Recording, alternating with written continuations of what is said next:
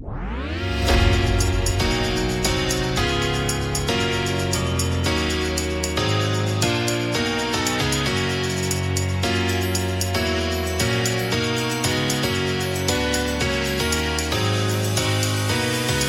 Då ska ni vara välkomna till den traditionsenliga förhandspodden inför ett mästerskap. Och eh, när det är herrmästerskap numera så är det Martin Frändesjö som är expert och eh, hedersgäst. Eh, välkommen Martin! Tack så mycket! Och vi har ju såklart Robin också som sidekick. Ja, där trivs jag bäst. Ja, det är... Det, jag gillar ju att placera oss i, i tid och rum och sådär men, men det hör ju kanske till så här när, med alla coronafall och allt som kan hända på, på, med kort varsel. Så är det alltså tisdag förmiddag när vi spelar in och eh, hela den här balansen EM drar igång på torsdag.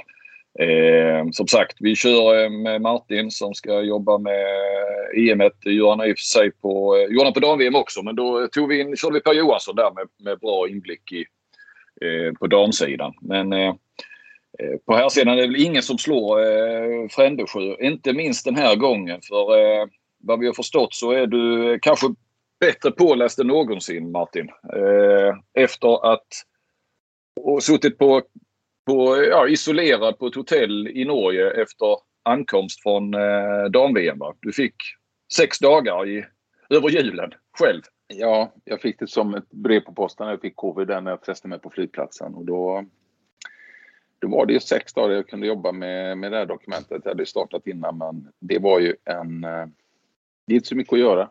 Du har en, en liten, ett litet bad och, och en säng och, och, som tur var hade jag ju PCn då så då, då kunde man jobba en hel del med det. Så det, ja, jag känner att jag har skaplig koll på lagen.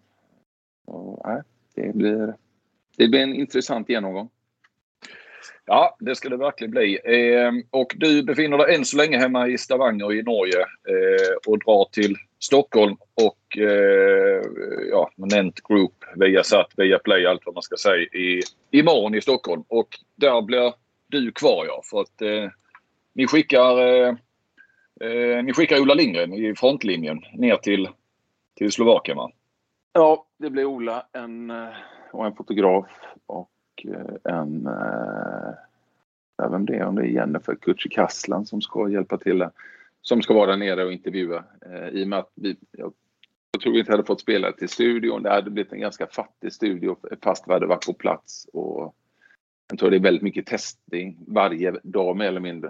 Äh, och det är väl positivt i sig men jag vet inte, det, det var många olika anledningar till att, att vi gör det hemma istället. Så jag, jag kan tycka att det funkar nästan minst lika bra eh, att vara på Ringvägen i Stockholm eh, än att ha det här eh, hängande över sig hela tiden eh, och inte kunna träffa spelarna och, och de är nästan lika långt borta ändå fast vi är i Stockholm eller i Ungern eller Slovakien.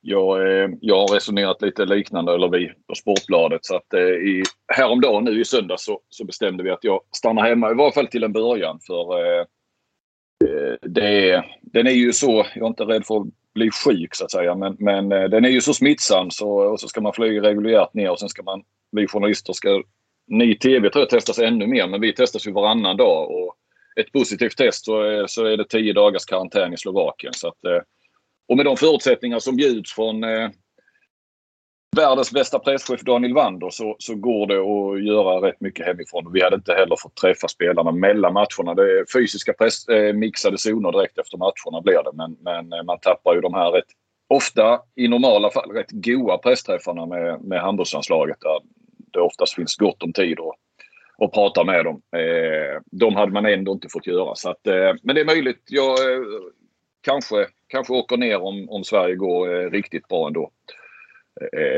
om det börjar se ut att kunna bli semifinal och medaljmatcher och sådär. Så det är mitt läge. Robin. Eh, Stannar hemma. Kristianstadsbladet. Han skickar inte dig, nej.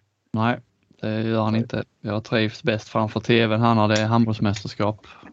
kan man sitta och finkulera med sin blogg och lite podd och så. Ja, men det, det är alldeles utmärkt.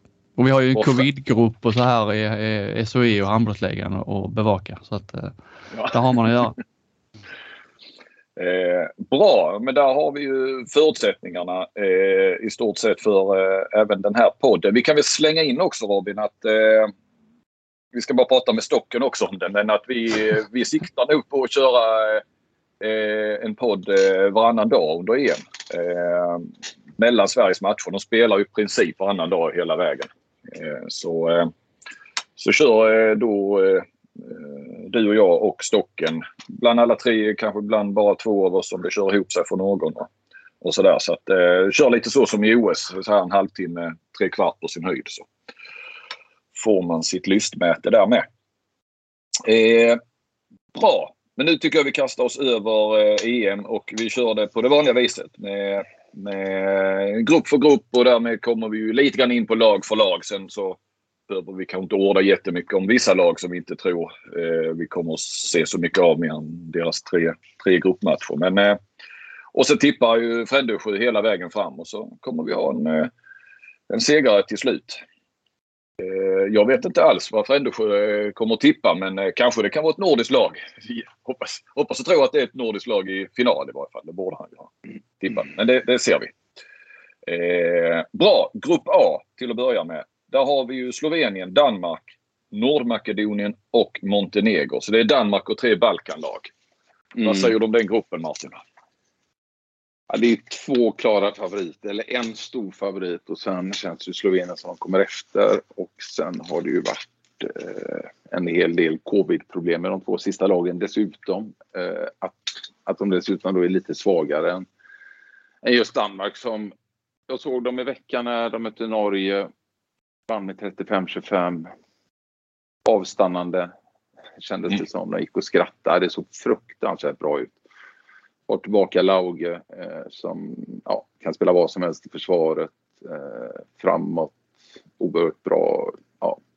Eh, Hansen gick på halvfart. Landin gick in andra halvlek, hade 60 procent. Eh, de har ju som bredd och sånt djup så det är ju inget lag om vi går, går för spelare för spelare. Som jag, jag vet inte om de har haft så här bra lag någon gång på pappret. Sen ska de ju få ihop det också. Det verkar ju som att de får det lag uttalas här efter matcherna att, att, eh, att de inte var, de räds ingen och det var så där, det är lite arrogant men de har ju täckning för det. Så det är ju verkligen laget att slå. Det är mm. inga svagheter. Saugstrup på linjen är ju fantastiskt bra. Jag har väl bara Banhide framför sig, grym bakåt. Tillsammans med Möllgård så är det kanske det bästa mittförsvaret de två ihop det. Sen har de ett koppel av andra spelare som kan spela bra bakåt med Lauge, Mats Mensa, Lasse Andersson och sen, ja, jag vet. Ja, det är laget slå. En, en coach som har ett oerhört självförtroende också, Nikola Jakobsen som eh, ofta får ihop det men samtidigt det, det, det, han kan ju slänga in vem som helst i vissa lägen. Slängde in Holm i början på andra halvlek, gjorde fyra mål på sju minuter och så ut med han. Eh, Norge väldigt förvirrade den matchen medan Danmark. Ja, det, det blir laget att slå. Eh, mm. det, är väl, alltså ska man hitta någon svaghet på dem. När de gjorde sin fantastiska VM-final 19 hade de ändå tappade hans namn istället, han mittnian, Morten Olsson. Mm. Eh, som jag tyckte styrde upp det bra. De har ingen mittnia. Å andra sidan så är de inte så beroende av det som Sverige är beroende av med spelföljd och så vidare. De sätter ofta upp en spelare som ska, som ska göra det och när de har så många att välja på så, så, så behöver det inte se så där fantastiskt eh, ut innan de kommer till läget. Eh, men just det Morten Olsson, eh, den typen av spelare, det har de inte med. De har ju med otroligt bra spelare en mot en. Eh, så jag vet inte om de, om de behöver den typen av spelare men eh, in, den, den typen av spelare finns inte med men behövs det. De har Gidsel istället på högernio som är någon typ av playmaker också tycker jag i sitt fantastiska djupledsspel och släppa bollen i rätt ögonblick. Så det är ett, ett fantastiskt lag helt enkelt som blir en klar rättare. Och så har de ju då dessutom om man eh, skulle liksom få stopp vanligt 6 mot 6 så är de ju rätt vassa på 7 mot 6 också. Så att, eh, ja, ja exakt. Liksom, finns ju... Om jag missminner mig så spelar de väl inte 7 mot 6 mot Sverige i finalen i Egypten som många trodde och även jag att de skulle göra. Eh, men den matchen ska vi också säga att Sverige ledde ju mycket där och där hade Landin 6-7 räddningar med en Palicka som jag tror var lite småskadad där så, så jag vet inte, Sverige är ingen superbehaglig motståndare tror jag för Danmark. Eh, för hade Landin bara varit någorlunda mänsklig, nu är han ju oftast inte det tyvärr, så, så hade det faktiskt kunnat gå åt andra hållet där. Men eh, Landin är ju en av de målvakterna som påminner lite om de här ja, Sterbik, eh, Omaye, Gensel som är så stor och, och, och, och stressar motståndarna. Du såg ju inte minst mot Norge att, att de var så rädda på vissa lägen där och det kommer de aldrig erkänna själva men att de, de, de sköt precis det han ville. Eh, och han blir ju som en stor vägg eh, många gånger. Så det, sen har de ju bra målvakter bakom den. Det var Gren covid-smittad och kanske kommit tillbaka men då har de ju Möller och så har de ju glömde av han som spelar Nant där, Nilsen. Nilsen. Ja. ja så de, de, de, ja, de har ju som bredd och sånt djup på, på alla positioner. Eh, jag såg nu här i danska TV2, den sajten, den är ju eh, oumbärlig under mästerskapet. Jag tycker ja. de gör ett fantastiskt jobb med att, att täcka allting och de, det är inte bara Danmark heller. Eh, och de är snabba och sådär. Så den, den, det vet ni vid det här laget, ni som lyssnar. Men håll koll på den under, under mästerskapet och det är, det är mycket eh, bra krönikor, åsikter och tunga experter och så vidare. Men, men jag såg att de hade nu eh, vem är viktigast för eh, danska laget? Eh, Gitzel eller Hansen? Alltså vem skulle man eh, inte vilja undvara eller så? Ja, ni fattar. Så att eh, det, det, är ju liksom så också att de, de, det finns ett liv efter Hansen också. Redan, redan nu känns det som nästan att eh, det är klart han är ju fruktansvärt bra fortfarande och har en viktig roll men det, det, de står inte och faller med Hansen heller längre. Nej, men ja, vi får ju se de matcherna när de blir pressade och det är 5-10 minuter kvar. Om de blir pressade.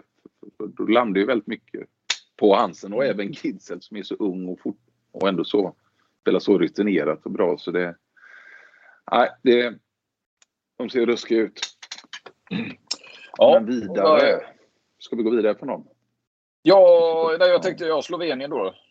Ja, Mm. de tycker jag också ser bra ut och där har ändå Jobbo Branjas, förbundskaptenen, valt bort Bombac och han blev väl tvungen nästan där. De har ju så mycket bra mittnior och jag tror någonstans att det kan bli jobbigt att ha en sån spelare med också. Han tar så mycket plats och styr så mycket och har sitt spelsätt.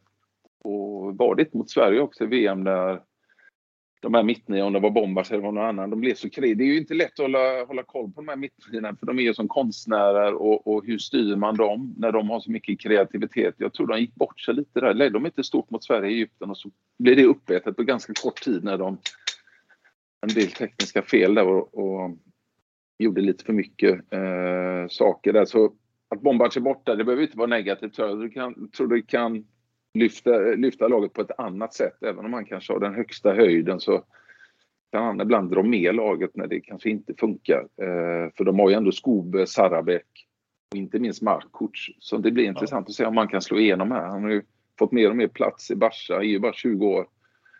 Eh, så det är, nu hörde jag att de fick Ovnicek från Nantes skadad här på, på, på, slutet.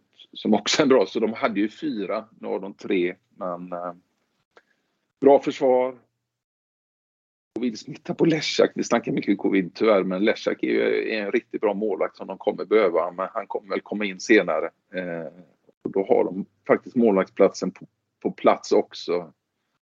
Oblas Jank, eller Jans, eh, på, på, kanten som också kan spela lite nia. Och de, nej, jag tycker de är ett bra lag. Mm. De ser harmoniska ut. Slog ändå av Kroatien här för några veckor sedan med 33-26. Förvisso träningsmatch, men jag tror det är viktigt för dem ändå att få de resultaten med sig. Då är Sindris med i Kroatien, han är ju inte med nu. Så det, ja, de blir jobbiga blir de. Och hela den halvan kommer ju bli brutal när de går vidare. Mm. Jag tror det är Slovenien som följer Danmark vidare och, och kan absolut vara med och aspirera på en semifinalplats. Eh, jag tror Jobbo behöver en framgång där nu. Det var ju, de bommade ju OS där och hade tufft där i VM. Och, eh, så det, det, är viktigt för han, det är viktigt för laget och laget är en bra fas. Jag tror de blir, de blir inte att leka med. Eh, absolut inte. Nej. Ska vi, eh, ska vi hoppa vidare till Grupp E eller vill du säga någonting om Nordmakedonien och Montenegro? Vi kan ju nämna så Oganovic, ja. förbundskapten för Montenegro, ju, har ju corona och vet inte riktigt när han kan ansluta. Och Nordmakedonien, det är väl Lazarov spelaren Ja, det är Lazarov. Jag hörde att de har fått fem, fem covid-smittor som ska presenteras idag. Så det är ju två lag som gör upp om tredje, fjärde platsen. Det är, de har hamnat i tufft sällskap där. Synd för Roganovic som är en härlig person att han ja, inte får vara med här i, starten. Jag hoppas han kommer in snart. Eh, men det är lag som inte ska kunna röra Slovenien. Men å andra sidan, det är lite halvderby där och får de de har, de har ju skapliga första uppställningar, alla de här lagen måste vi ändå säga. Eh, om de inte får några skador så. Men jag tror de är numret för lite, definitivt för Danmark men även för Slovenien. Så de kommer någonstans trea, fyra där. Ingen, det, det, det, vad som avgör det, det, det kan ju vara slumpen här med hur många som är borta och inte kan delta. Eh, ska vi gå vidare till grupp B? Eller Robin, hade du några mm. inspel mer på grupp A? Nej, det, var, eh, det känns ju som att det är Slovenien och Danmark där med, kan ju bli riktiga skrattmatcher med Makedonien, Montenegro och massa covidfall där. Så vi kan hoppa vidare till B. Och där hittar vi ju Portugal, Ungern, Island och eh, Nederländerna. Ja, det är nog den tuffaste mm. gruppen rent Alltså det är, det är, alla lag kan slå alla där. Man ska inte glömma att Nederländerna har kommit starkt här på slutet. Eh, och Ungern på hemmaplan, mycket press på sig, måste ju vidare givetvis. Portugal med en del skador och, och Island med ett fantastiskt lag. Men ska vi börja med Ungern. Eh, fortsatt med den coachen där, Chema Rodriguez. Verkar ju väldigt uppskatta både i Benfica där han är, men även i Ungern. Och fick väl en fantastisk flyt med dem 2020 tyckte jag i EM. Sen var de inte lika vassa sen men de, de har ju de har ju Banhidi, de har ju Mikler, eh, de har Mate som går som en ångvält i Elverum och de har de här nya spelarna Benzenad, Sita, Györi. Tycker de har ett jättebra lag och, och får de flyt, får de med sig publiken som de definitivt kommer få så är det här lag som kan gå ganska långt. Men det är många om budet på den halvan men eh, jag tror jag till och med har satt dem att de ska lösa en semifinal men det kan ju gå det behöver inte vara så men eh, är det någon gång så, så kanske det är denna gången. De har ju bara ett VM-silver tror jag. Om det inte var 86. Peter mm. Kovacs i spetsen och det, det är enda gången de tagit medalj. Eh, jag läste någonstans att Serbien 2012 tog ett silver på hemmaplan och det luktar lite samma att de skulle kunna nypa en medalj här på hemmaplan med ett jäkla publiktryck där i Ungern. För de, när de får till det så är de ju bra. Och med Banhide där på linjen som är helt omöjlig att stoppa känns det som. Eh, och alla de här halvunga spelarna som kommer efter. Men även Leka är ju med. Så, så, så nej. Eh, får de ihop det eh, som man ja, förväntar sig att de ska så, så, så är de definitivt med i hugget på en semi. De har ju, eh, väl även VM senast var det inte så tokigt. Alltså de har väl rätt hyfsat nära semifinal. Jo, de, de var ju det. Eh, man trodde väl att det bara skulle fortsätta. Att de, men men ja, de var ju hyggligt nära. Eh, men, men de löste det ändå inte. Men nu på hemmaplan kan vara det som väger över, absolut. Är det någon grupp man ska hålla koll lite på eh, saker utanför spelet? Domare, delegater och sånt här som kan ställa till det. Då är det ju i den här gruppen. Alltså inga restriktioner i Ungern, fullsatt. Eh, det, det där är det, det är upplagt för att det ska hända konstigheter om det blir jämna matcher. Men där har ju podden sin, ja, mm. och där har ju podden sin man eh, på den bevakningen. Inga problem. Ja, ja, ja. På, på delegaterna. Mm. Domare. Jag tar det ansvaret. Ja. Eh, ja, fortsätt Martin. Grupp Portugal. Eh, spännande kanske lite stukat självförtroende nu när de har haft de har en del skador. De har det tragiska med Quintana. De får inte ihop det på målvaktspositionen tycker jag. På, absolut inte på det sättet som när han var med. Eh, känns som de har sänkt sin målsättning lite. De snackar ju nästan om OS-guld senast. Eh, otroligt stort självförtroende i laget normalt sett. Men nu har de ju skador på Gomes, fantastisk Frad, linjespelaren i Barcelona högernierna, mängder av skador med Portela och Silva. Så det, Borges linjespelare också borta. De har massa borta på skador. Men har, har, har ju ändå en hel del intressanta spelare kvar och täcker upp bra på linjespelare med Itoritze och Salina. De har Rui Silva på mittnio som blir den viktigaste spelaren. Magales de, har, de har ett lag i den här gruppen där de lika gärna skulle kunna vinna som nästan kunna komma fyra. Eh, så tajt kan det bli i denna gruppen. Eh, även om jag håller Nederländerna längre ner så, så, så, så, vet vi inte vad, vad det tar vägen för Portugal. Men när de får till det och de får lite räddningar och de får till sitt försvar. Kanske mer 7 mot 6 när de en del spelare är borta som de är skickliga på. Så ja, det, det, blir spännande att se vad de tar vägen. Jag har dem, jag har dem faktiskt som tre i denna gruppen att de inte går vidare. Så, men eh, ja, en, en, en coach som också är väldigt speciell tycker jag. Som, som, man undrar hur skicklig han är. Det får vi väl se. Detta mästerskapet har ju en, en väldigt arrogant approach och ett tro, otroligt självförtroende ser det ut som. Eh, så det blir intressant att se hur de får ihop det. Vem står i Portugal nu då? När, eh, för han har väl med slutat 43-åringen eh, Umberto? Är det... Ja, han är inte med. De har en som heter Gaspar från Sporting. Jag vet inte vilka de helt har tagit med. Alla trupper har inte presenterat. De hade en... Capdeville så jag var med. Capdeville, ja. Han har kommit tillbaka nu från covid. Det är liksom när de, kom, när de kommer ur den bubblan. Och det var ju faktiskt Martins också som spelar i Segel nu, duktig mittnia, kom ut också och Cavalcanti. Eh, så det, det, det är en, del, en del spelare kommer att vara, en Captivilla är ju med. Men det, det, de har fyra att välja mellan och jag har inte sett den slutgiltiga truppen men det är ju den, den du nämnde där, vad, vad hette han, Humberto, Humberto eller någonting? Humberto ja, ja den gamla. Ja, han har ju verkligen kunnat göra bra matcher men verkar inte vara tilltänkt än. Så det, det kan gå lite hur som helst där på målvaktsposten. Känns det som. Island då, de känns väl spännande? Ja, väldigt spännande. Offensivt de ju mm. otroligt eh, intressanta tycker jag med än en gång alla deras högernia med, med Magnusson som kanske är bäst i världen där. Eh, de har även Kristiansson i X som öser in mål på den positionen och Palmarsson, Gudmundsson, gamle Kristianstadsspelaren. Eh, är ju viktig för laget tycker jag när han med hjärtat och allting. Vad han står för och de har ju Gislason, Reinecka Löven. Men än en gång om vi snackar Portugal, eh, målvakter så är det Island och målvakter och Island och försvar. Eh, Ymir Örn Gislason menar jag där, jag menar att han är försvarsspelare och är väl deras så kallade general. Kanske lite överskattad tycker jag. Men får de ihop det i mitten eh, och lite räddningar så kan ju Island rå på de flesta lagen. De har ju en hög höjd men som vanligt. De brukar börja bra, men kan de hålla i det en längre period? Jag vet inte. Det, det, det, det är lite, lite, lite fysik tycker jag i laget för att kunna stå emot bakåt. Offensivt framåt kommer det nog vara det ja, frejdigaste och bland det roligaste att titta på i turneringen. De har ju väldigt mycket tekniska spelare och, och väldigt roligt att titta på dem. Så, och även, även Tater, Örn Einarsson där i Flensburg eh, har ju varit hysterisk form sedan han lämnade Kristianstad. Så de, de, de har ju nästan för mycket högernia eh, som har för bra form. Det blir ju... lite vet inte hur Gudmund och Gudmundsson ska få ihop detta eh, just på den positionen men det är ju ett, förhoppningsvis ett angenämt problem.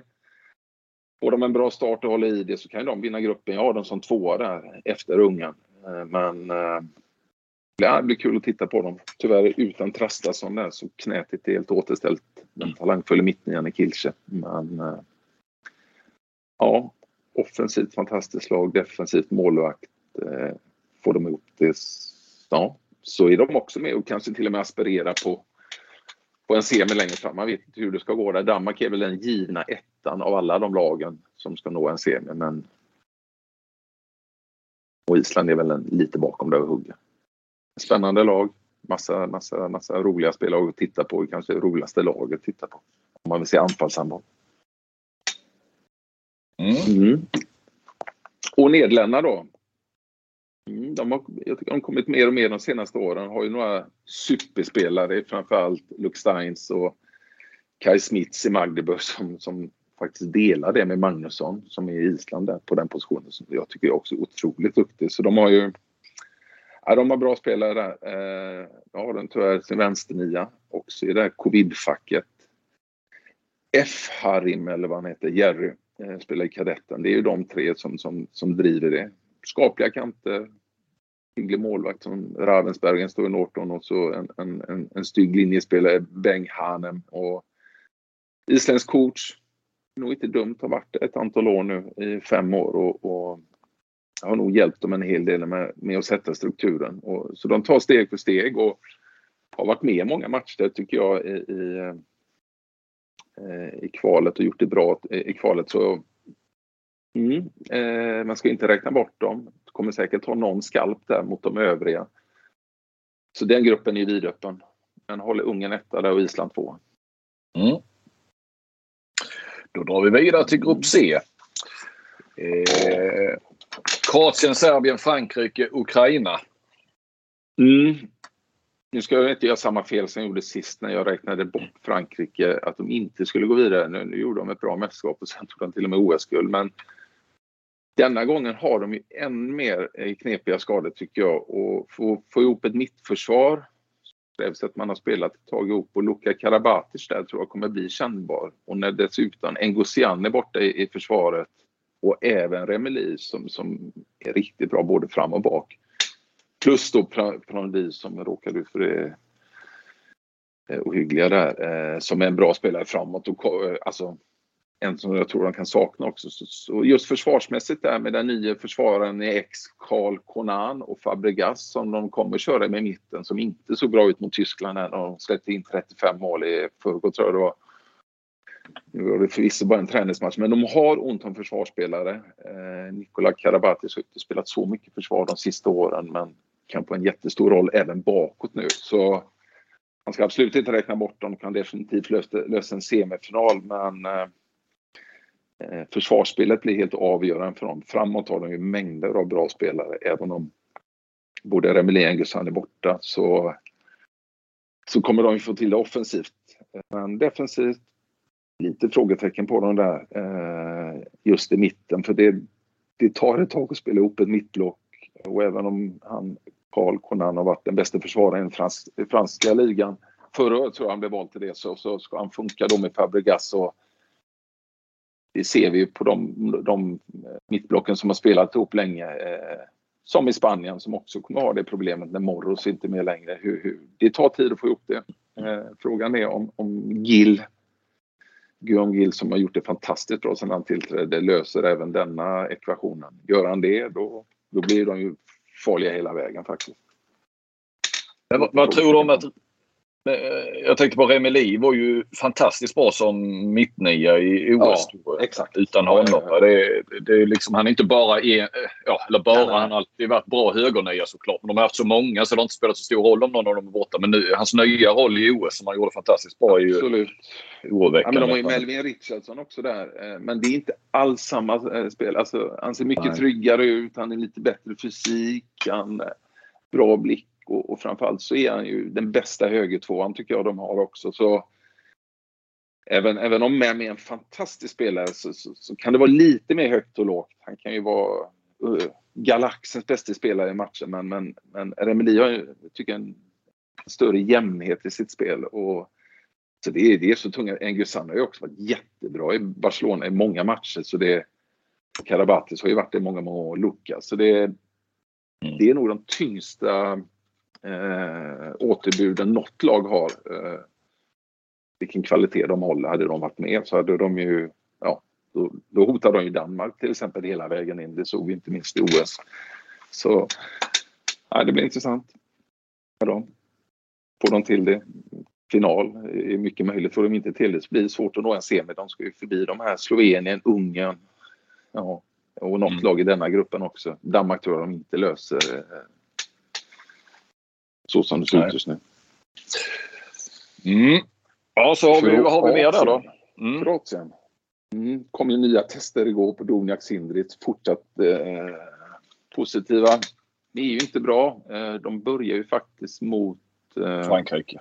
Frankrike och sen Serbien. Får de inte med det till Serbien jag vet inte katten alltså, vi kommer till Serbien sen men jag tycker de ser riktigt intressanta eh, ut om de, om de får tillbaka sina spelare som sitter i deras covid-karantän. Men eh, Jonas Hindrich jätteviktiga men de har ju en del spännande spelare framförallt Jaganjak eh, som är på väg till eh, Kilche på ett sånt här typ åttaårskontrakt. Kilche skriver ju bara den typen av kontrakt med sina spelare. Det är helt makalöst när man ser hur de eh, har förlängt med bland annat mittnian i Polen eh, till 2027. Det är liksom standardkontrakt på 5-6 år.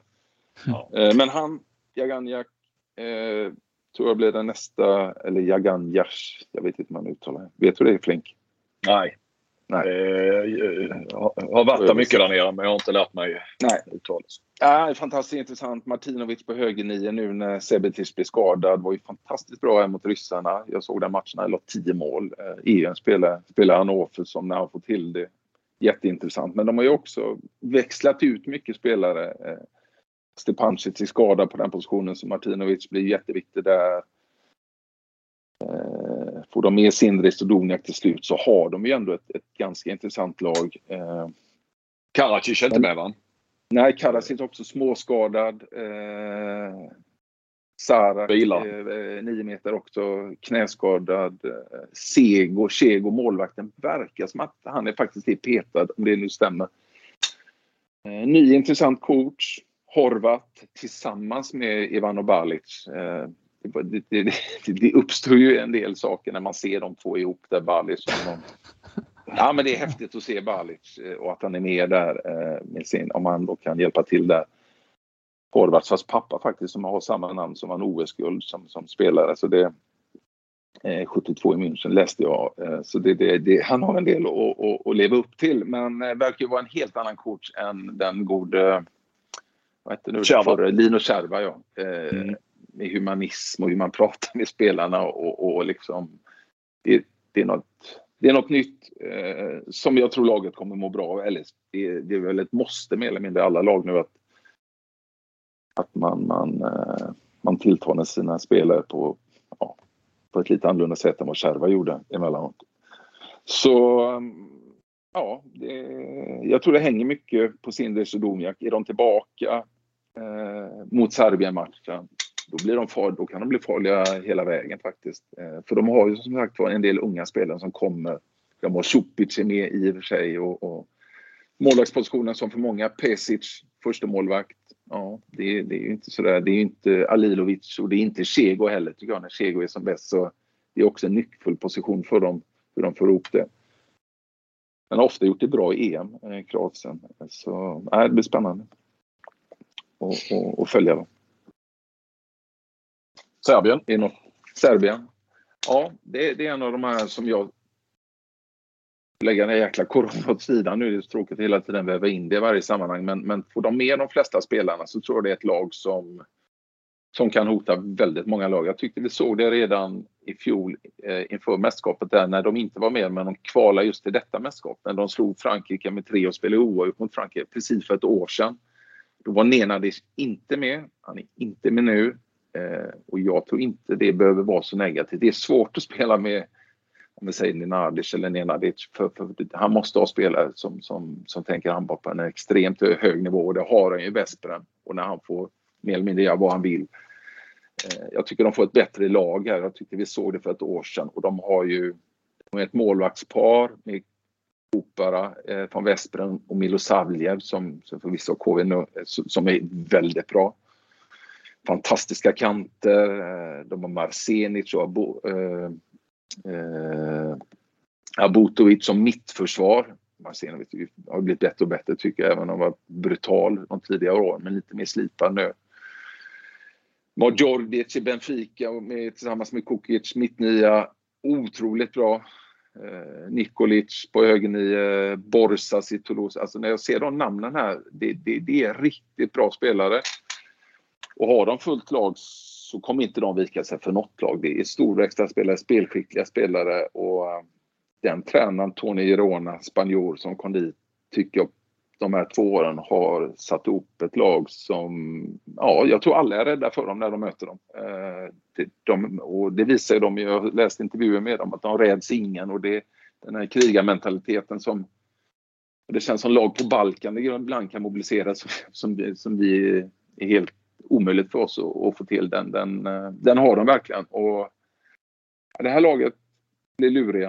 Eh, får de med de flesta här kan de absolut slå Kroatien och definitivt pressa Frankrike också. Det, det var en obehaglig motståndare för ett år sedan och det har de i minnet också. Så jättespännande att se. Se fram emot den matchen Serbien-Kroatien. Där, där det kommer ju bli något hejdlöst och förhoppningsvis så har vi lite folk på läktaren där också. Många har ju Så Kroatien som ja, många har ju Kroatien som, som eh, liksom besvikelsen. Eh, men hänger det, det hänger mycket på om de kommer tillbaka eller inte, Duvniak och, och Sinic till just den matchen. alltså. Mm. Ja, men jag tror det. Och för han eh, Jaganjak som jag nämnde här som spelar i Nex eh, idag ska till Kilche sen. Fantastiskt bra de här matcherna. Han, han var inte med på det sättet i fjol. Martinovic ser jättebra ut. Alltså de har en del pusselbitar på plats nu eh, eh, som jag inte tyckte var på plats sist. Och missminner jag mig inte helt så var väl lite Sindrich, var han med när det avgjordes?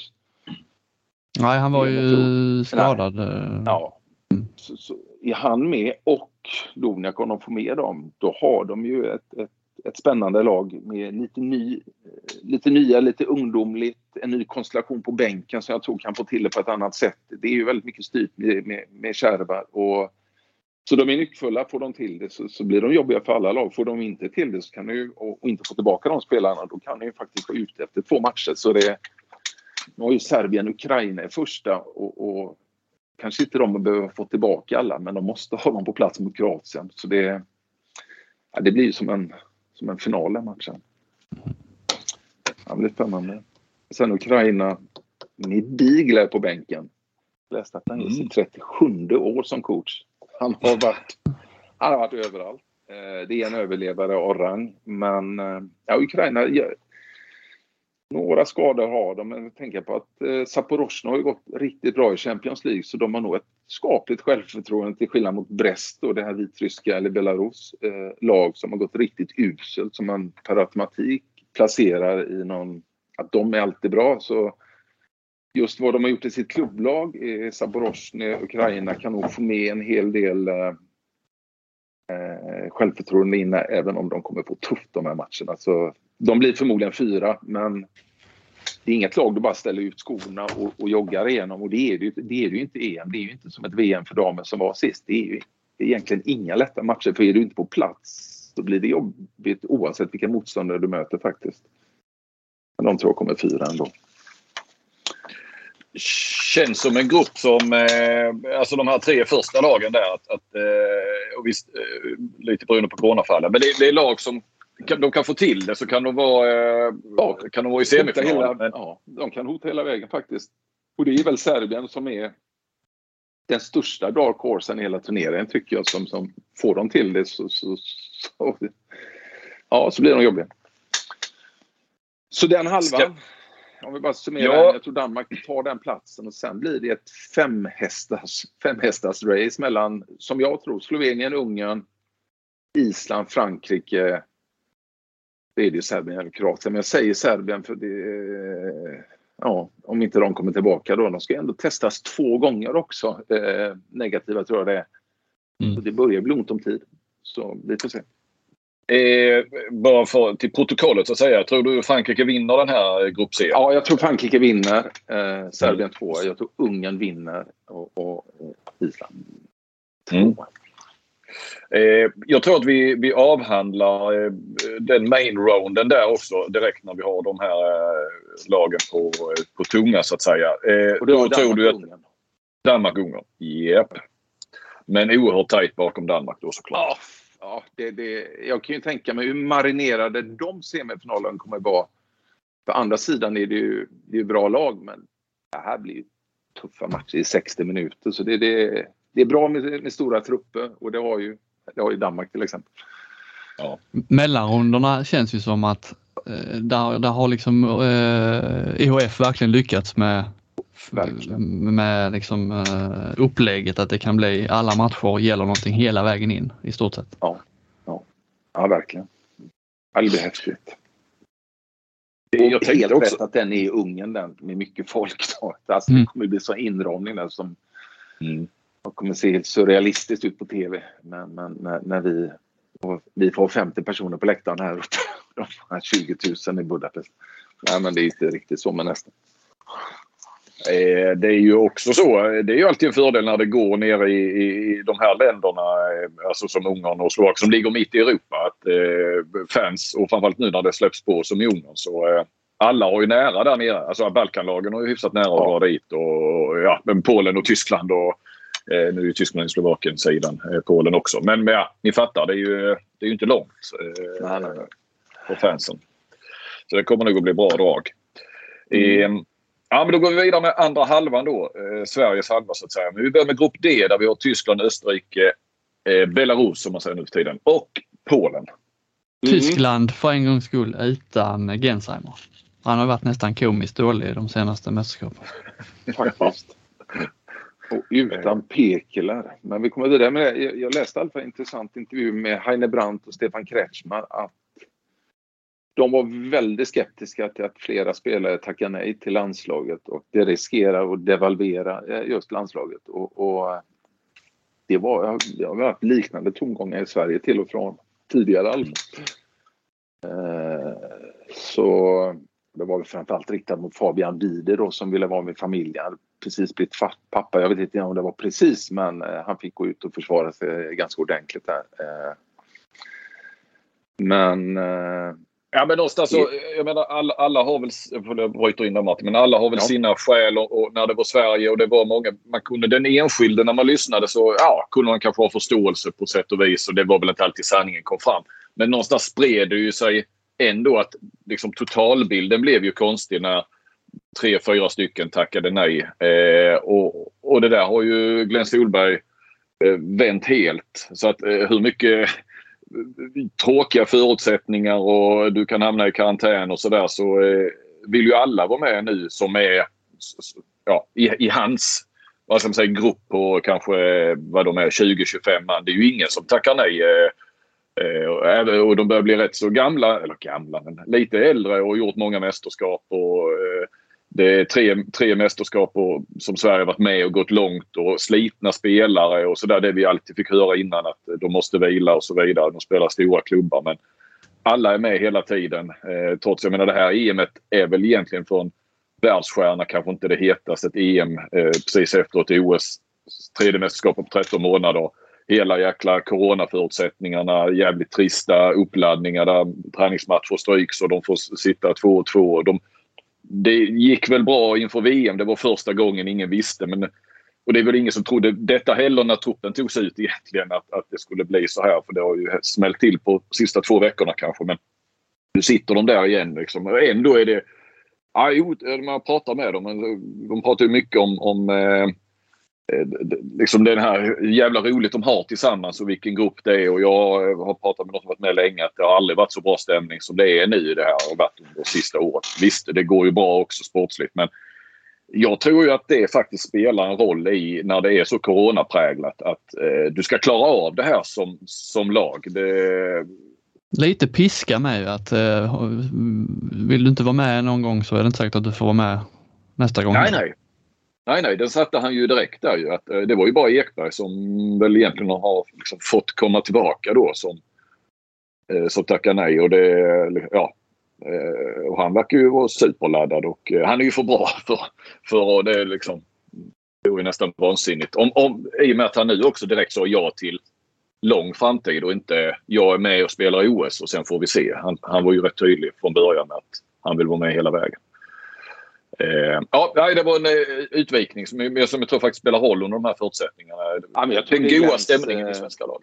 Jag tror det är Glens största förtjänst det han har gjort där. Eh, alltså, det han gjorde där, det var en liten chansning, men eller, det var nog ingen chansning för honom, men utifrån sett att att det är så, alltså man ska, vara med, man ska tacka ja när man eh, blir uttagen och just de här tiderna de hade inför förra mästerskapet när de inte kunde träna, de hade mycket möten. Jag tror de satte väldigt mycket värderingar och ja, hur man skulle uppträda. Jag tyckte jag hörde intervjuer med de etablerade som Vanne, Gottfridsson, Palicka prata om laget i varenda intervju i Egypten på ett sätt jag aldrig har hört tidigare. Och jag kan själv känna igen mig i sådana saker när man spelade liv för många år sedan. Liksom, hur, hur, hur man nästan blir man känner sig nästan oövervinnlig som grupp och, och att allt utanför gruppen är, är, är fiender. Och det, där har ju Glenn gjort ett jättejobb och med tanke på att han fick genomslag direkt i Egypten och tog det här silvret så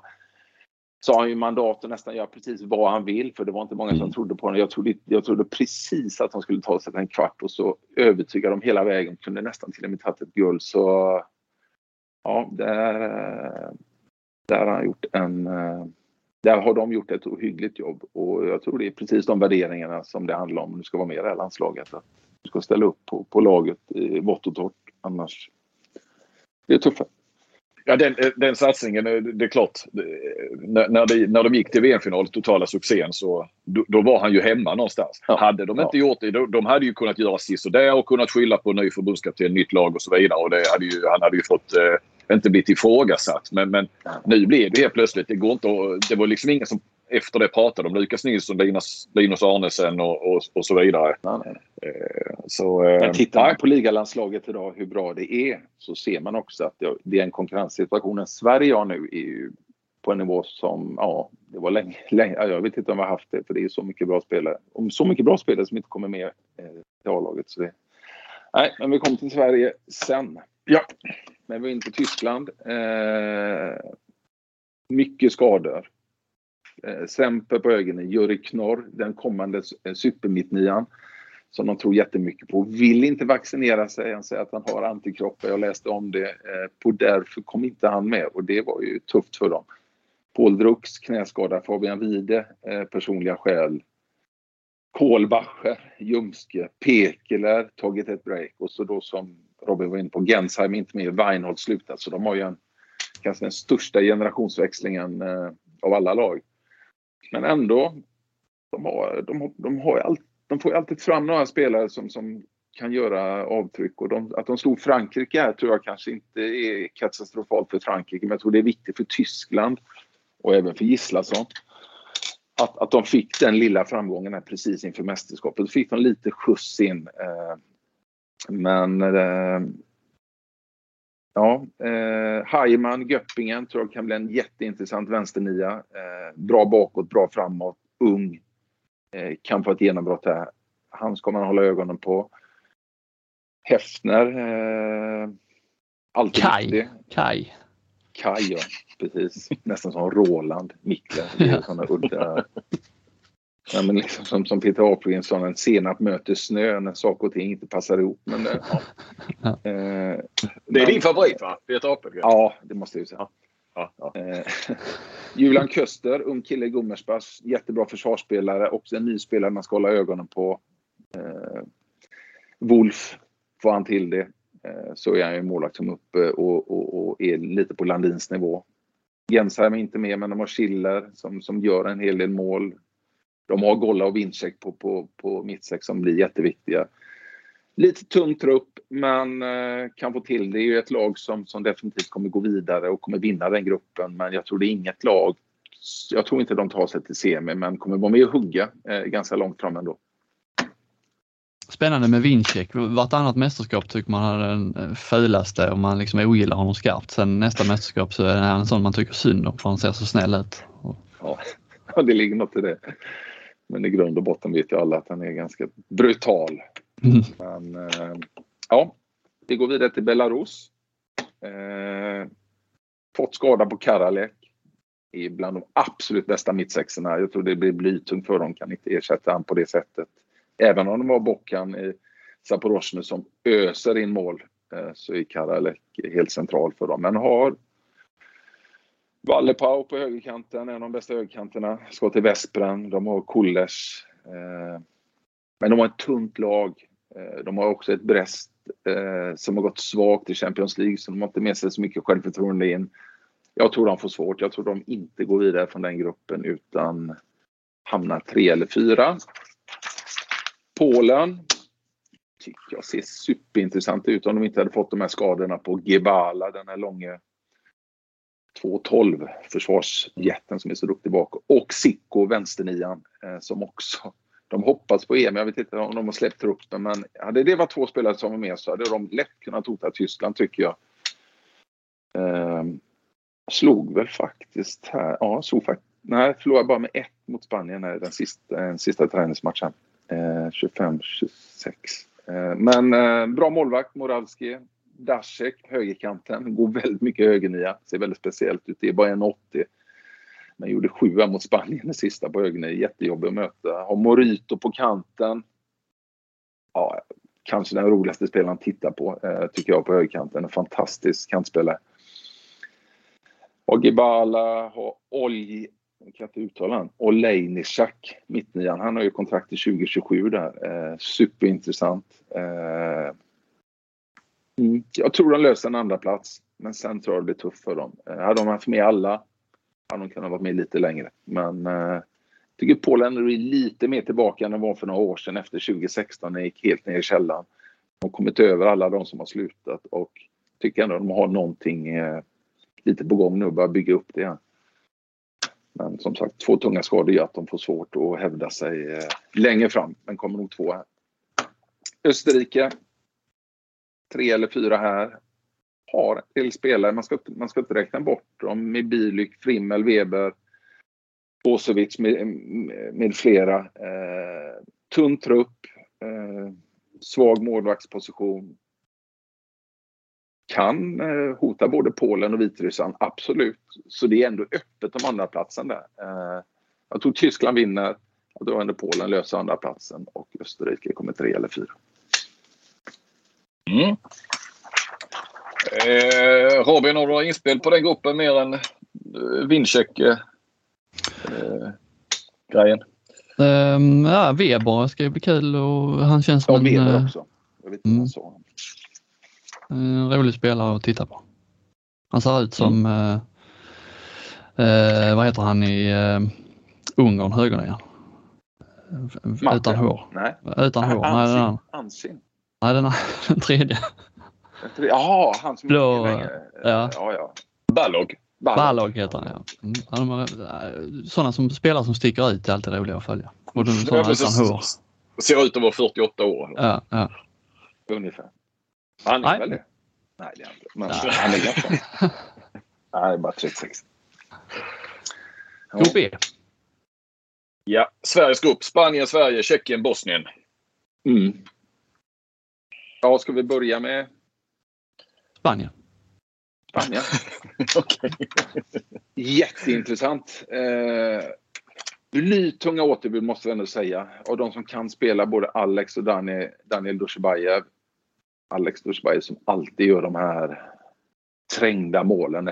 Det går att stå för dem. Och kreatören eh, nummer ett där och de som är kvar. Men sen har de också tappat en Terio, Sarmiento och inte minst morgon. Så det är ju... Ja, det är... Ja, det är, de, de, de är uppe och tangerar Frankrikes avhopp måste jag säga. Eller inte återbud, men spelare som inte är med detta som var med tidigare. Nu har ju de slutat av åldermässiga skäl, inte Ria, Sarmiento och Moros. Men eh, blir intressant ändå. Eh, Topp två på målvaktspar med Perez de Vargas och Corrales. Det är ju magiska där. Alltid otroligt bra kanter. Kanske med Fernandez och Gomez framför allt. Mittsex, figurerat bra framåt. Guardiola, 37 år. Okej bakåt. Jag har tagit in en ungdom, en 33-åring, Pecina också. Det är, det är svårt för dem att hitta unga spelare. Det, det är det här de kommer gå bet på till slut. Jag vet inte hur mycket de ska... De har nämligen tagit in en 37-åring igen. Nej, han har varit med lite innan, men Garcia på vänsternia. Så det är gamla spelare. Canellas 35, jag kollar på åldern här. Gorbindo 34 tillbaka. Markeda 33. Eh, det är ju bra spelare, men eh, framförallt det som har hänt saker, det är ju på mittnio. Två nya. Casado i La Rioja. Varit jättebra i European League. Öst in mål. Och Tarafeta i X. En ung kille där, 23 år. Också intressant. Men jag tror ju de får svårt att leva upp till en Trios. Det får ju alla i hela världen, eh, givetvis. Eh, så det kan bli ett annat spel. Vi kommer nog inte få se det här smuggelspelet som vi har sett tidigare. Det här kortpassningsspelet som man förförs av. Utan lite mer rakare spel, lite mer cyniskt spel. Men Bygga lite mer på försvar och kontring. Men då ska de också få ihop det här försvarsspelet. När Morros nu inte är med så ska Guardiola då spela med Sanchez Migalon som spelar i Kilche. Eh, som är en försvarsspecialist. Och det såg heller inte helt synkat ut, men det kan falla på plats också. Får de ihop det med kontring, målvakter, så är ju Spanien alltid jobbiga. Men de har ju spelat, att båda bröderna Doshibayev och de andra har slutat, det kommer ju synas eh, väldigt tydligt. Jag tror de kommer tvåa i gruppen. Eh, har ju en av de skickligaste coacherna, Eribera, eh, som längst av alla läste jag mig till. 38 år har han coachat lag, så han började tidigt. Eh, Han slår eh, Bigler alltså. Han slog Bigler med ett år. Så, så, så, så. Nej, men alltså extremt uppskattad. Ser aldrig stressad ut. Alltid lugn. Liksom. Det, det, måste vara underbart att ha honom vid sidan där. För det här, eh, ja, lite min nya laget. Så det, jag tror han kommer tvåa. Eh, sen ska man veta här, jag kollar lite head to head som är en ny parameter jag har med i min, i min bibel. Du ser att Sverige har faktiskt inte, Spanien har inte förlorat mot Sverige på 13 år. Så eh, eh, traditionens makt är stor ofta, men nu har ju Spanien, de här 13 åren så är alla de här spelarna som är borta varit med, så det kan ju märkas. Eh, men, men ja. Ja, Spanien har väl nästan varit favorit varje gång också. Ja, under de senaste 13 åren. Nej. Nej, tror inte jag. Jag vet inte hur det är med Makeda nu för att eh, han, ett tag rakade han ju av sig sitt skägg. Han såg ut att vara 45 men sen rakade han av och såg ut som 20. Eh, så det kan ju spela in också. Ja, han blir jätteviktig för givetvis. Eh. Men du tror det kan sitta i skägget Robin? Eller? Ja men om de ska föryngra och så, så, vet, så kan ju det hjälpa. Det kan vara en ny spelare. Han är ju inte så gammal alltså, Makeda, 33 bara. Ja, ja faktiskt. Mm. Sverige då? Ja, vi, ja, vad har jag skrivit? Medaljkandidat. Hur ska de formera sin första uppställning? Eh, hur ska man hålla igång hela laget? Det, det ser så här bra på nio meter, så här många bra spelare. Ja, det, det, jag såg också på topp 15 i Champions League så har Sverige fyra spelare på den skytteligan. Eh, närmsta lag har två, det är Frankrike. Det är det är nästan läskigt vad, vad bra de svenska spelarna har gjort det i en sån stor turnering som Champions League. Så det här bredden eh, och det här djupet framförallt på, på, på 9 meter då. Eh, sen är det ju lite frågetecken. Palicka, eh, väldigt ensam på den nivån i målet.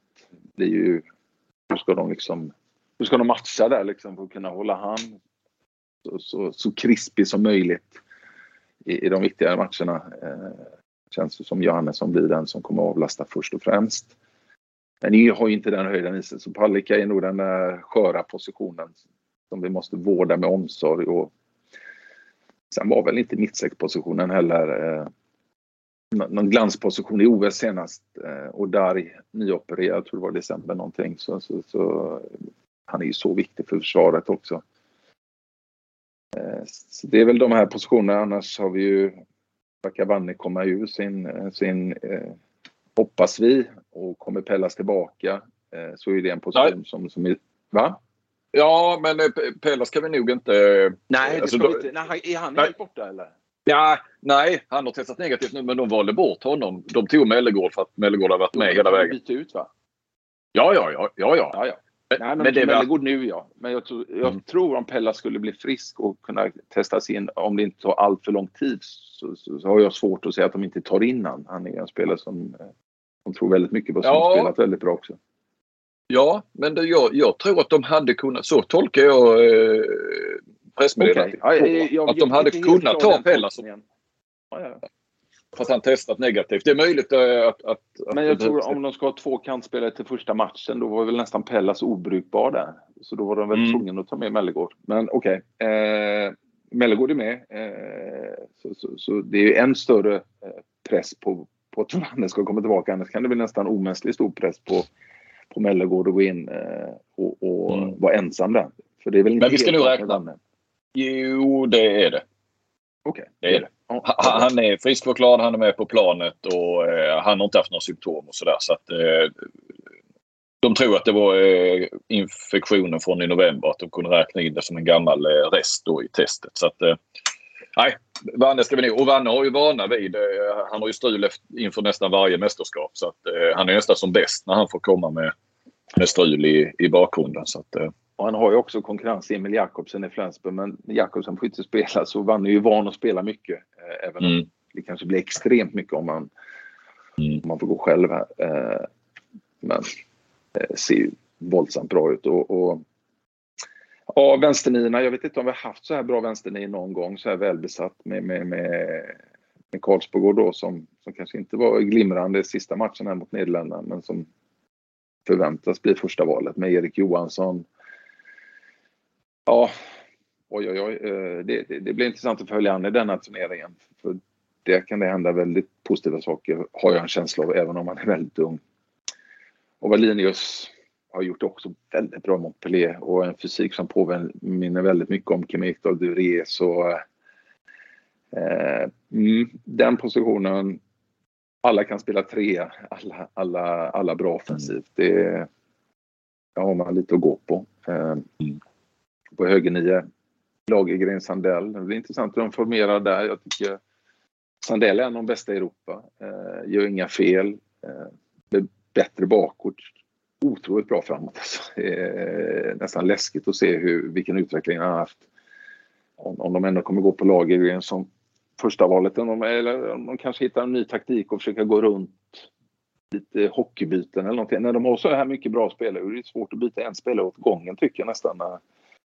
Men det får man se. Mitten är ju också en sån position med Felix Claesson. Ja, jag vet inte om han har haft några spelare som är bättre än han på mittnio-positionen i år. Och Sen med Gottfridsson i sin rutin. Eh, sista matchen. Jo, den matchen när de slog av Magdeburg där tyckte jag var fantastiskt bra. Fick någon småskada i andra halvlek men kom ändå in och väl fem sex mål och låg bakom mer eller mindre allting i anfallsspelet. Så alltså ofattbart eh, både bredd och djup i det här laget. Eh, på 9 meter upp på kanter sen målvakt är definitivt tunnare då men vi har ju höjden i Palicka när han är på sitt humör och, får väl se det på mitt sex. Eh, får vi hoppas det blir lite bättre offensivt sett. Men eh, det känns nästan faktiskt som att Sverige tycker jag ser nästan lite vassare ut offensivt sett. Eh, I alla fall Alltså jag tycker det känns lätt för Sverige att komma till bra lägen med, med, med det spelet de har nu när det flyter på som det gör. Då är det mer att de ska försöka hitta den nivån i försvarsspelet om det ska räcka väldigt, väldigt långt.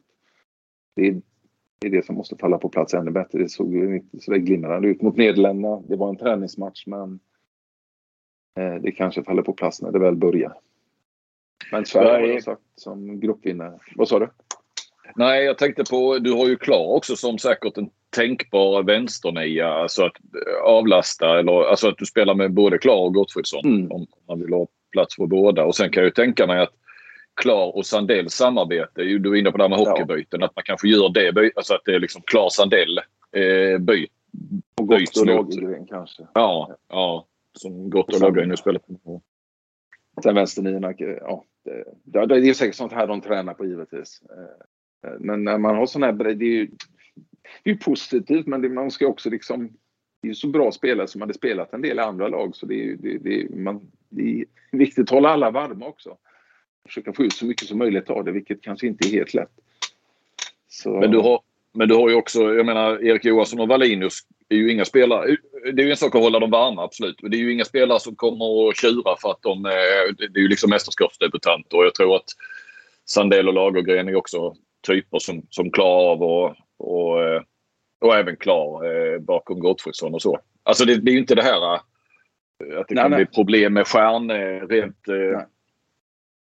Men sen tror också det är ett mästerskap där, där det kan växla, växa fram nya konstellationer, inte minst i försvaret. Nu har vi haft Dario Karlsborg där. Och är fantastiskt i Egypten, inte lika bra tycker jag i OS. Eh, nu har vi alltså Wallinius.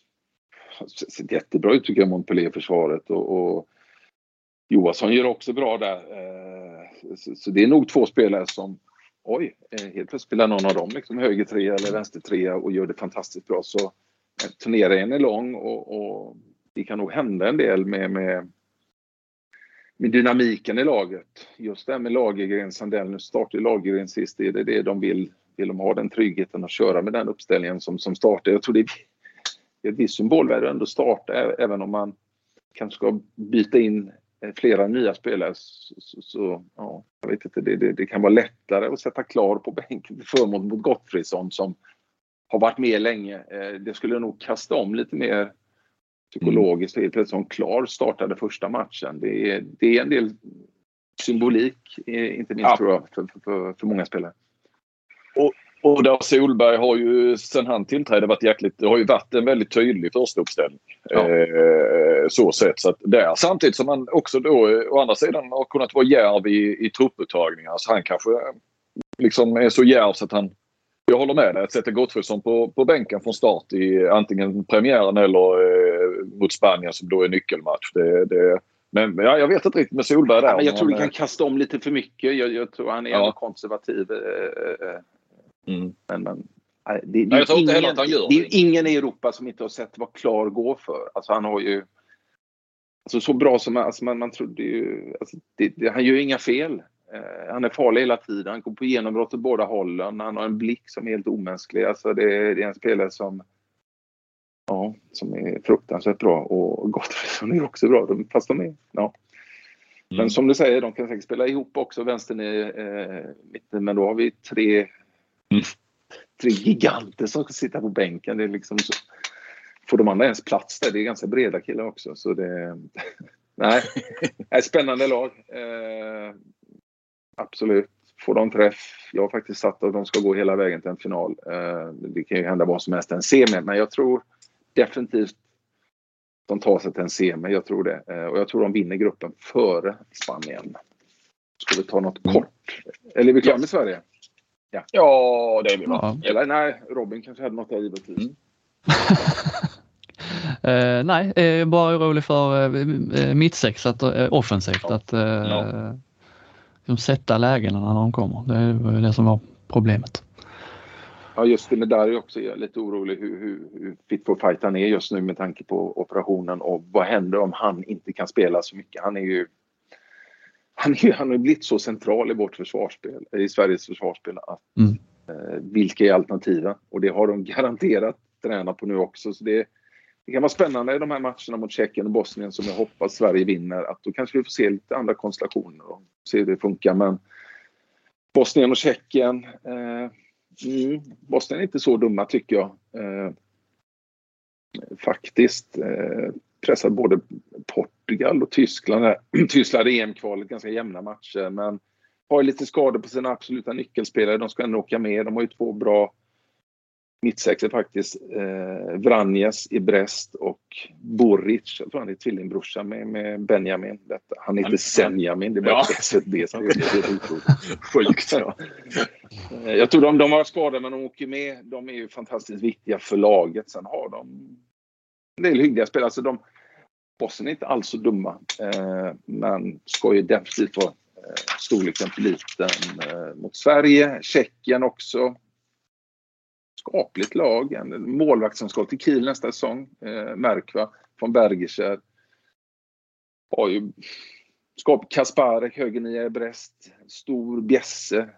25 år, jätteintressant. Eh, har en bra första uppställning tog, kom ju sexa 2018, det var en jätteframgång. Eh, ändå svårt att se att de skulle kunna hävda sig fullt ut mot, mot, mot Sverige och Spanien. Eh, få mer göra upp om, om tredjeplatsen här med Bosnien. Men eh, alltså inga, inga jättelätta matcher ändå, måste vi ändå poängtera. Så, så, alla lag måste ju gå fullt här ett, ett bra tag in i matcherna för att, att vinna dem. Men ja, Eh, på tal om Sverige, det är, eh, något man gärna hade velat se är ju, och det, det finns det ju förutsättningar för, att, att vi får något sånt här riktigt genombrott som, som var ju kanske förutsättning för VM-finalen senare. Alltså när Karlsbogård, eh, Linus Persson egentligen också. Det var ju mästerskapsdebut mm. för honom på riktigt. Det var Johansson, var Linus. Ja. Sandell, eh, alltså ett ännu större genombrott just mm. i landslaget. Även om han har slått igenom. Men kanske inte kanske inte för den breda massan som sätts framför tvn kanske inte har sett att, att eh, wow, eh, som inte följer Champions League. Så, men eh, ja, Nej, och jag, men, men, men eh, tänk om Bergendal helt plötsligt kan få ett lyft liksom i sina när han blir inbytt och. Johannesson visar sig vara en, en, en ja, kanske då bättre än vad ja, vi ja, ja. Nej, så, alltså, man behöver ju någon sån liksom, som, som, tar, som tar steget kanske för att eh, ja, men Sverige är ett jättebra Johannesson, Det ligger ju lite i korten där att han måste nog gå in och hjälpa till och, och få han träff då så, så är det nog oerhört behagligt för, för hela laget. Eh, mm. Så, nej, det, vi ska ha höga förväntningar på Sverige tycker jag. Men Palicka kommer inte sliten i varje fall. Eh, eh, jag menar, han fick inte spela på en månad i eh, Rhein och sen hade han två matcher i, i elitserien eller handbollsligan. Så att, eh, han har ju annars kommit nästan för eh, med inte minst sen eh, Appelgren har varit skadad i och det har ju varit länge nu. De senaste Mm. mästerskapen har det ju, liksom, det har ju varit fullt sjå med att få ihop en skrock nästan, känns det som. Han har ju varit ensam där i Rhein Eckerlöven. Men nu kommer han, han borde komma han från en lägre nivå. Han kommer ju... Ja. Alltså. Det, det, det kan ju faktiskt vara ett dilemma att han inte har mött de bästa under en ganska lång tid. Eh, även om... Så, ja. Det finns för och nackdelar med det givetvis men eh, om man var sliten, lite småskadad i slutet av VM för ett år sedan så, så kanske han inte får det slitaget på det sättet. Eh, kan vi hoppas i alla fall. Eh, och så har vi Grupp F. Eh, ju intressant ur svensk synpunkt också såklart eftersom vi ska gå mot de lagen i, i mellanrundan. Där har vi Norge, Ryssland, Slovakien, hemmanation alltså, och Litauen. Mm. Litauen kommer jag inte prata om. Eh, Nej. Nej, nej, jag tror de får tufft. Eh, De hade ekonomiska problem, det, det kanske du skrev om också, men de fick komma Ja. till slut. De hade lite pengar Ja. att komma ens. Nej. Eh, har någon skada här också. Eh, men ja, jag tror de och Slovakien ger upp på sista platsen där. Eh, tar vi Ryssland först. Yes. Mm, de har ju en av de absolut intressantaste spelarna i Kosorotov. Eh, jag tror de kommer två i gruppen. De har Sitnikov, Mittny är bra. Eh, skaplig första uppställning. Har en del skador. Eh, skaplig keeper. Slog faktiskt av eh, Kroatien här i sista träningsmatchen här för två, tre dagar sedan med 28-26. Det var ganska skönt för dem också att få det resultatet. Eh, men rutinerad coach i Petkovic, faktiskt 65 och bara 31-årig coachkarriär har jag skrivit här men eh, det är långt så i och för sig.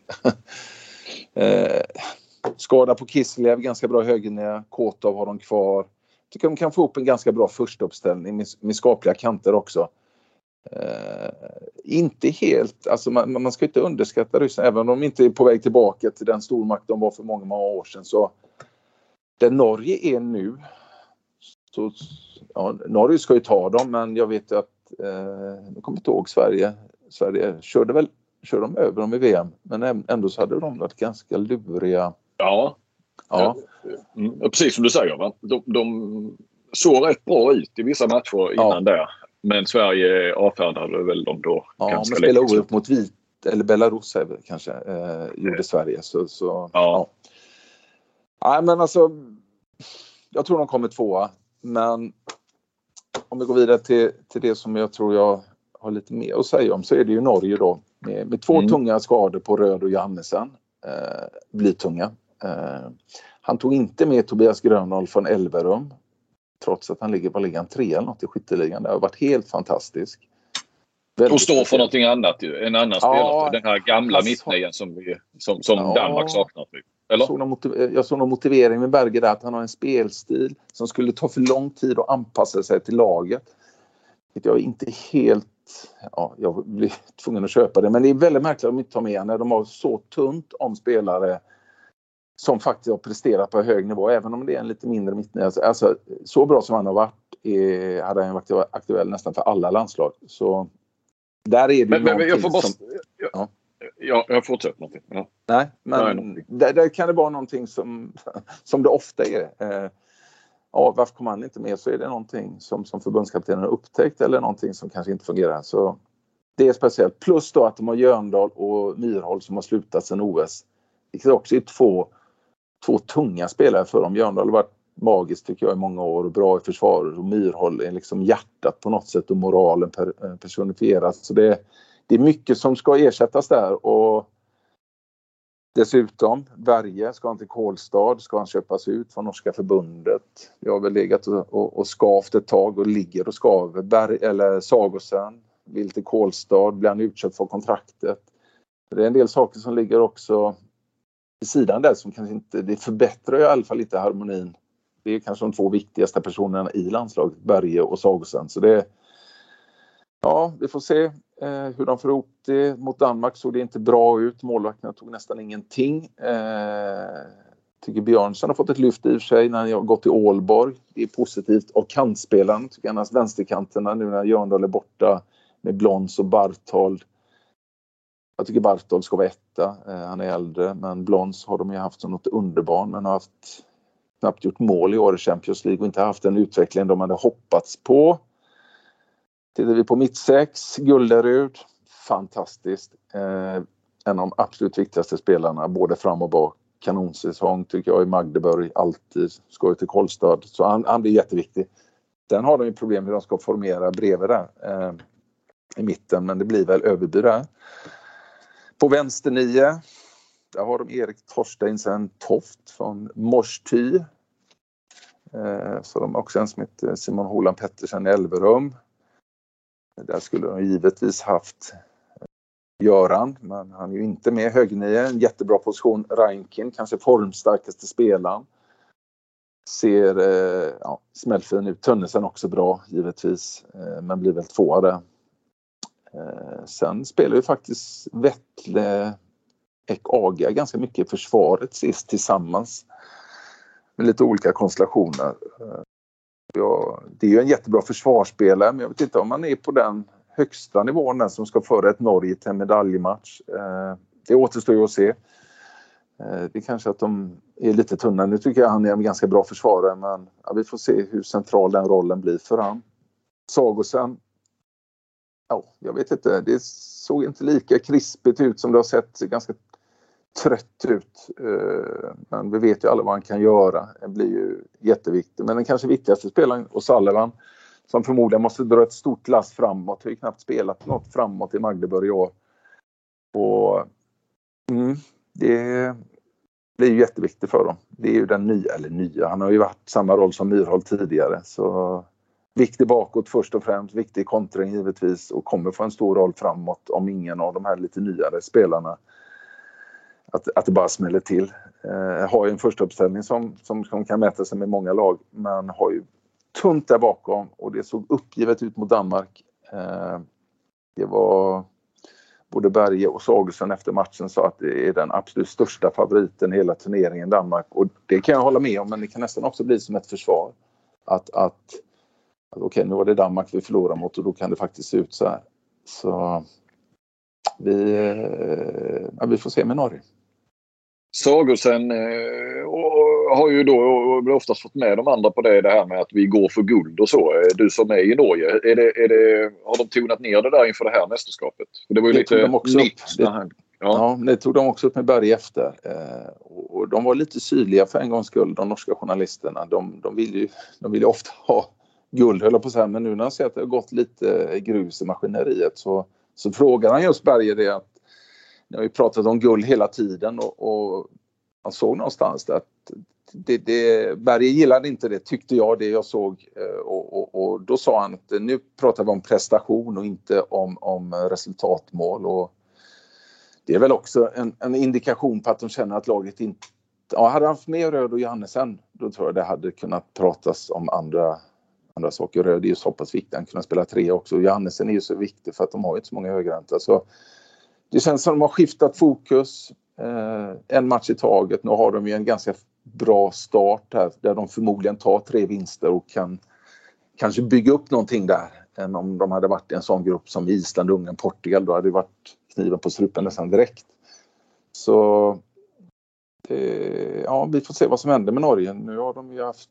Eh, ja, det är inte det här Norge vi hade för några år sedan när, när man kände att fasen det kan bli guld här. Eh, det, det, det, tror jag många kan skriva under på att det är mer nyckfullt här. De har höjden absolut men då måste de först och främst få med sig målvakterna och de eh, Ja, vi vet ju att det, det, har ju varit svårt i många, många år där med Bergerud och, och Säverås kommer lite bakom där i Leipzig. Så det är fler frågetecken än utropstecken eh, hos Norge eh, om de ska ta sig hela vägen till en semi. Ja, det känns ju tomt på, på, ändå på vänster och mitt nio, alltså eh, högerhänta niometersspelare. Med, ja. med, vi såg ju utan Johannesen då, såg ju, han kändes ju, saknades ju väldigt mycket i OS. Eh, ja. Eh, han fick kasta in handduken precis innan där ju. Men, eh, jag bara tänkte på det med Gröndal som du nämnde då, Berge, där, att det är för kort tid att spela in den typen och sådär. Ja. Eh, det, jaha, när, när ska han då spelas in? Det är ju inte så att det finns jättemånga eh, långa samlingar. Eh, då får de vänta till nästa OS då. Det låter också lite som att Berge nog lämnar efter detta. Och, eh, ja, det känns, han, exakt. Skulle precis ja, säga det. Han får spelas in när Berge har lämnat. Ja, han lägger liksom, chansar inte på det i sitt sista mästerskap. Att, eh, få in en helt annan spelartyp. Sen, det är möjligt att det inte... Och då passar det kanske inte i Berge heller. Då får väl nästa nya förbundskaptenen ge plats mm. för honom eh, spelmässigt och sådär. Så, nej, det, det, det blir jätteintressant att se Norge i alla fall. Och se. Så, men men ja, höjden kommer ju definitivt finnas där så får vi se det. Men det är ofta det är ofta Sagosen som har gått ut och sagt de här höga målsättningarna vet jag i många, mm. många år nu. När han inte går ut och säger det då är, då är det svårt för någon annan att gå ut och säga det. Så det, man, man, man, man förhåller sig mycket till vad, och vem hade inte gjort det? Alla vill ju ha en spelare som Sagosen. Till vad han säger. Mm. Så, mm. Jo, och, och, man gillar ju när, när någon säger så på riktigt. För det, det där har ju nästan försvunnit i eh, idrottsvärlden. Att du får aldrig prata resultatmål. Det ska bara vara prestationsmål och sådär. Men, men jag, det är ju helt rätt av Norge att både tona ner det för att de har ett sämre lag men kanske också att det har blivit en belastning att eh, prata om guld och aldrig, aldrig lyckas svara upp mot det. Och de sista mästerskapen inte ens var riktigt nära. Så, så det, det är väl klokt av dem. Ja, det är väl just eh, de två spelarna också, Röd och Johannesen, som har varit en del skadade också. Och, och... Men de, mm. Norge spelar ju också ett spel som, som inbjuder mycket till skador. Alltså om du, om du bara jämför Sverige och Norge så har ju Norge ett spel där de ska gå på genombrott hela tiden. De ska sätta upp och isolera spelare en mot en. Och det, det, det är ju tufft för kropparna. Alltså. Det, Sveriges herrar har ju mer spel, liksom bollen ska göra jobbet mer och till slut att man får isär försvaret. Men här sätter de ju upp de här duellerna och Göran och Röd, Magnus Röd där, det är ju spelare som, som gör det ofta. Och det, mm. det måste ju slita på kropparna tycker jag. Och Flensburg har ju en del spelare som har hamnat i det. De två, Semper och, och Flensburg har ju ett sånt stentufft spel som måste slita på spelarna tycker jag. Där de, Mm. Där man ska gå förbi sin spelare hela tiden. Ja, det är, jag, jag kan säga att jag trodde nog inte att Gottfridsson skulle vara så här fräsch eh, fram till detta mästerskapet eh, efter det, det, han har dratt både i landslag och, och i, i Flensburg inte minst. Med alla sina skador så har väl han och Mensa har väl spelat 60 minuter tror jag i princip ja. alla matcher. Och tre mästerskap och tre, alltså ja, hela hans tunga roll. Det var en sån spelare som jag liksom känt att det är gött att han höll i VM. Bra är lite äldre också. Höll i OS. Ja. Är lite, jag tror de är lite smarta också, både Mensa som också har en sån brutal spelstil att de, de känner av vilka dueller de kan gå in i och vad, alltså de hinner värdera det på ett bättre sätt. Eh, sen är ju de också bra på att värdera röd men de, de, de, de mer kör bara, de bryr sig inte. Eh, det, det, det, ser fruktansvärt ut tycker jag ibland de satsar, alltså hur de vågar gå in där. Men, så det, det, det, måste kosta på att ta de satsningarna. Sen förstod man ju på Gottfridsson inför OS var det då eller? Nej, ja, det var väl Då går vi ända tillbaka till pandemin där. Det var väl under VM man pratade om just hur han använde den tiden. Alltså det känns som han Ja, han har ju nått till den åldern att han måste verkligen, jag säger inte att han inte har tagit hand om kroppen, men eh, det verkar ha varit eh, liksom mer så extremt. Det var kost och det var träning och det var hemma i Ystad en månad med sin eh, han PT, vad det heter, han kallas ju något sånt PT igen. Ja, ja. Ja, eh, där. Alltså han har kanske mognat lite så Gottfridsson ändå på det viset eh, också. Mm. Att, eh, och, och för att han måste ta hand om, om alla delar så att, för, att, för att hålla det de sista åren. Mm. Han kan ju ha många år framför sig. Ja, då har vi väl eh, mellanrunda eller main round som vi ska säga. Skulle jag säga vilka som går vidare? Ja, ja det ska du göra. Uppsummering då. Tyskland, Polen från grupp D. Sverige, Spanien E. Norge, Ryssland F. Och sen har jag Sverige och Spanien eh, som tar sig vidare till en semi. Mm. Med Norge först och främst som utmanare men även Tyskland någonstans där. Eh, mm. så det, det, det, det, är en lite enklare halva, eh, i alla fall på pappret tycker jag. Polen och Ryssland som jag har nu som kanske går vidare. Känns ju betydligt alltså, enklare att möta både kroppsligt och, och kvalitetsmässigt än de här Island, eh, Serbien, Slovenien. Det, det, det, känns mycket tuffare tycker jag. Så, så, så sätt har ju Sverige fått en, en lottning som, ja, som ser väldigt förmånlig ut nu, nu på förhand. Ja, eh, alltså tänk om man lyckas slå Spanien. Då, det, då, där är det ju poäng man ska ta med sig då ju. Eh, och sen har du ju då två, två matcher mot Polen och Ryssland. Eh, som man såklart ska vinna, framförallt om man ska vara med i en semifinal. Tyskland tycker jag också man ska ta så här på förhand då, då, du, du, det kan ju sluta med att du kan till och med ha råd att tappa en match där mot Tyskland eller Norge och ändå ja. gå till semifinal. Och ändå komma kanske etta och slippa Danmark komma sitta väldigt långt fram. Ja. För det, man vill ja. Så fort man möter Danmark så blir det ju... Ja, det är mm. ju det tuffaste. Men, men om, Danmark om du... kanske resonerar likadant att eh, på sin sida. Jag tänker mot Sverige just. Alltså jag menar inte att de är rädda för Sverige men som du var inne på. Att det kan ja, varit intressant att fråga danskarna och få ett ärligt svar. Vilket lag är det ni helst inte skulle vilja möta då i en semifinal eller final? Ja, det kan nog bli lite som du var inne på. Kanske eh, Sverige kan vara svaret. Jag tror inte, om de hade fått välja så tror jag de hade satt Sverige längst ner på den listan. Med tanke på ja, de nybyggena som både Tyskland och Spanien håller på med och skadorna som Norge har gör ju att eh, Sverige har inte den problematiken på samma sätt. Så, så, och annars är det väl Frankrike de alltid hyser störst respekt ja. med tanke på de skadorna som de har så, så, så, så ser det designat ut för Danmark och går väldigt, väldigt långt. Det, mm. det ser man inte minst på den sajten som du var inne på, TV2 Danmark. Det finns alltså det finns ju knappt någon motståndare längre som kan hota dem och det, det kan vara det som, som kanske kan falla, fälla dem, det vet jag inte men de, är ju, de har bra självförtroende, både journalisterna och laget just nu. Hur är ditt självförtroende Robin? Du skulle säga någonting där precis när jag bröt. Nej, men jag bara jag klev längre fram än vad ni gjorde där. Men om jag har tolkat eh, Frändesjö rätt så är det alltså eh, Danmark, Spanien och, och Sverige-Ungern i semifinal då? Ja.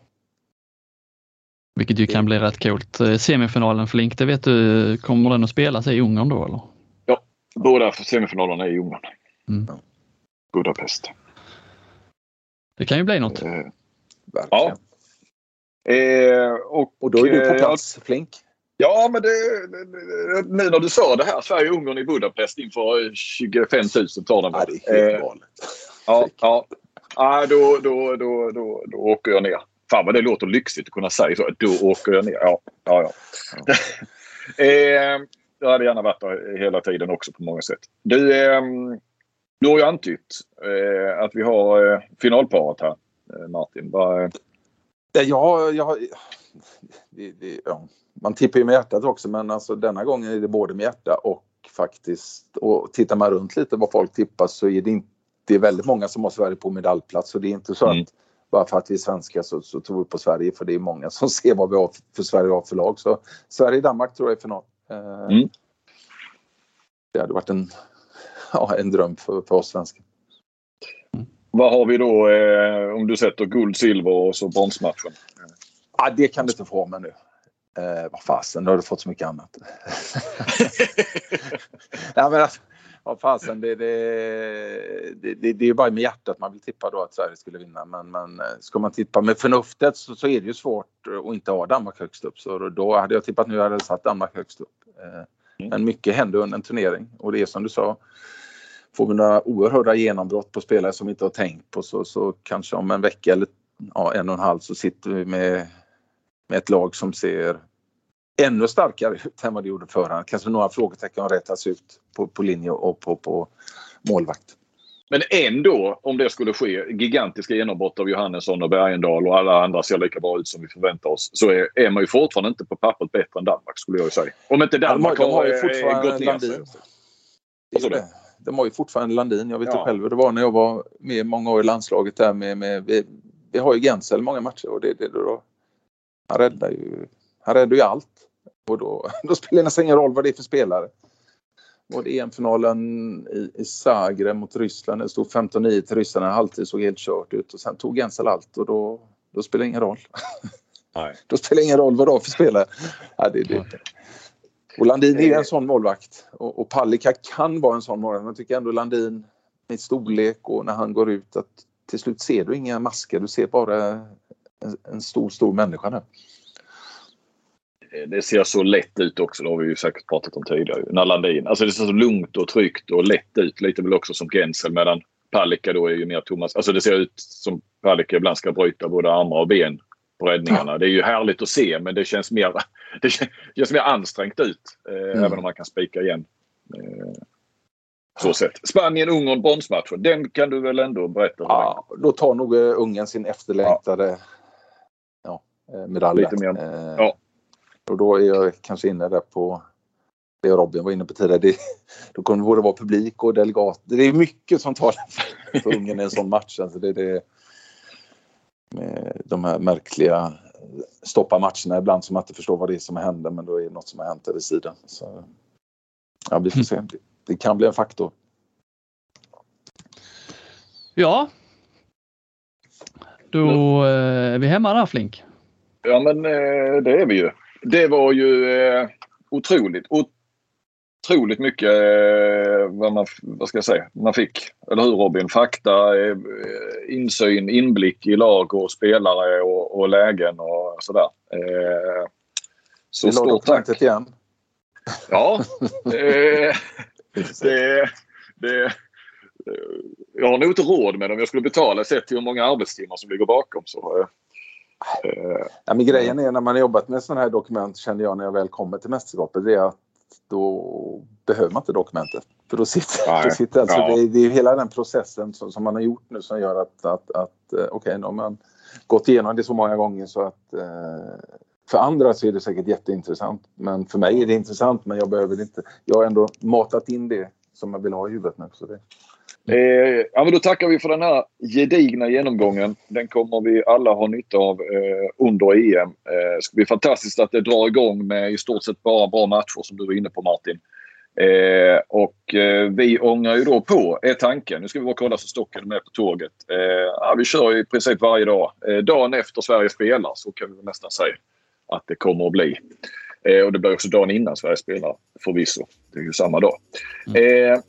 Tack för att ni var med eh, och eh, lyssnade och tack för att ni var med och eh, snackade Martin och Robin. Tack så ni ha. Tack.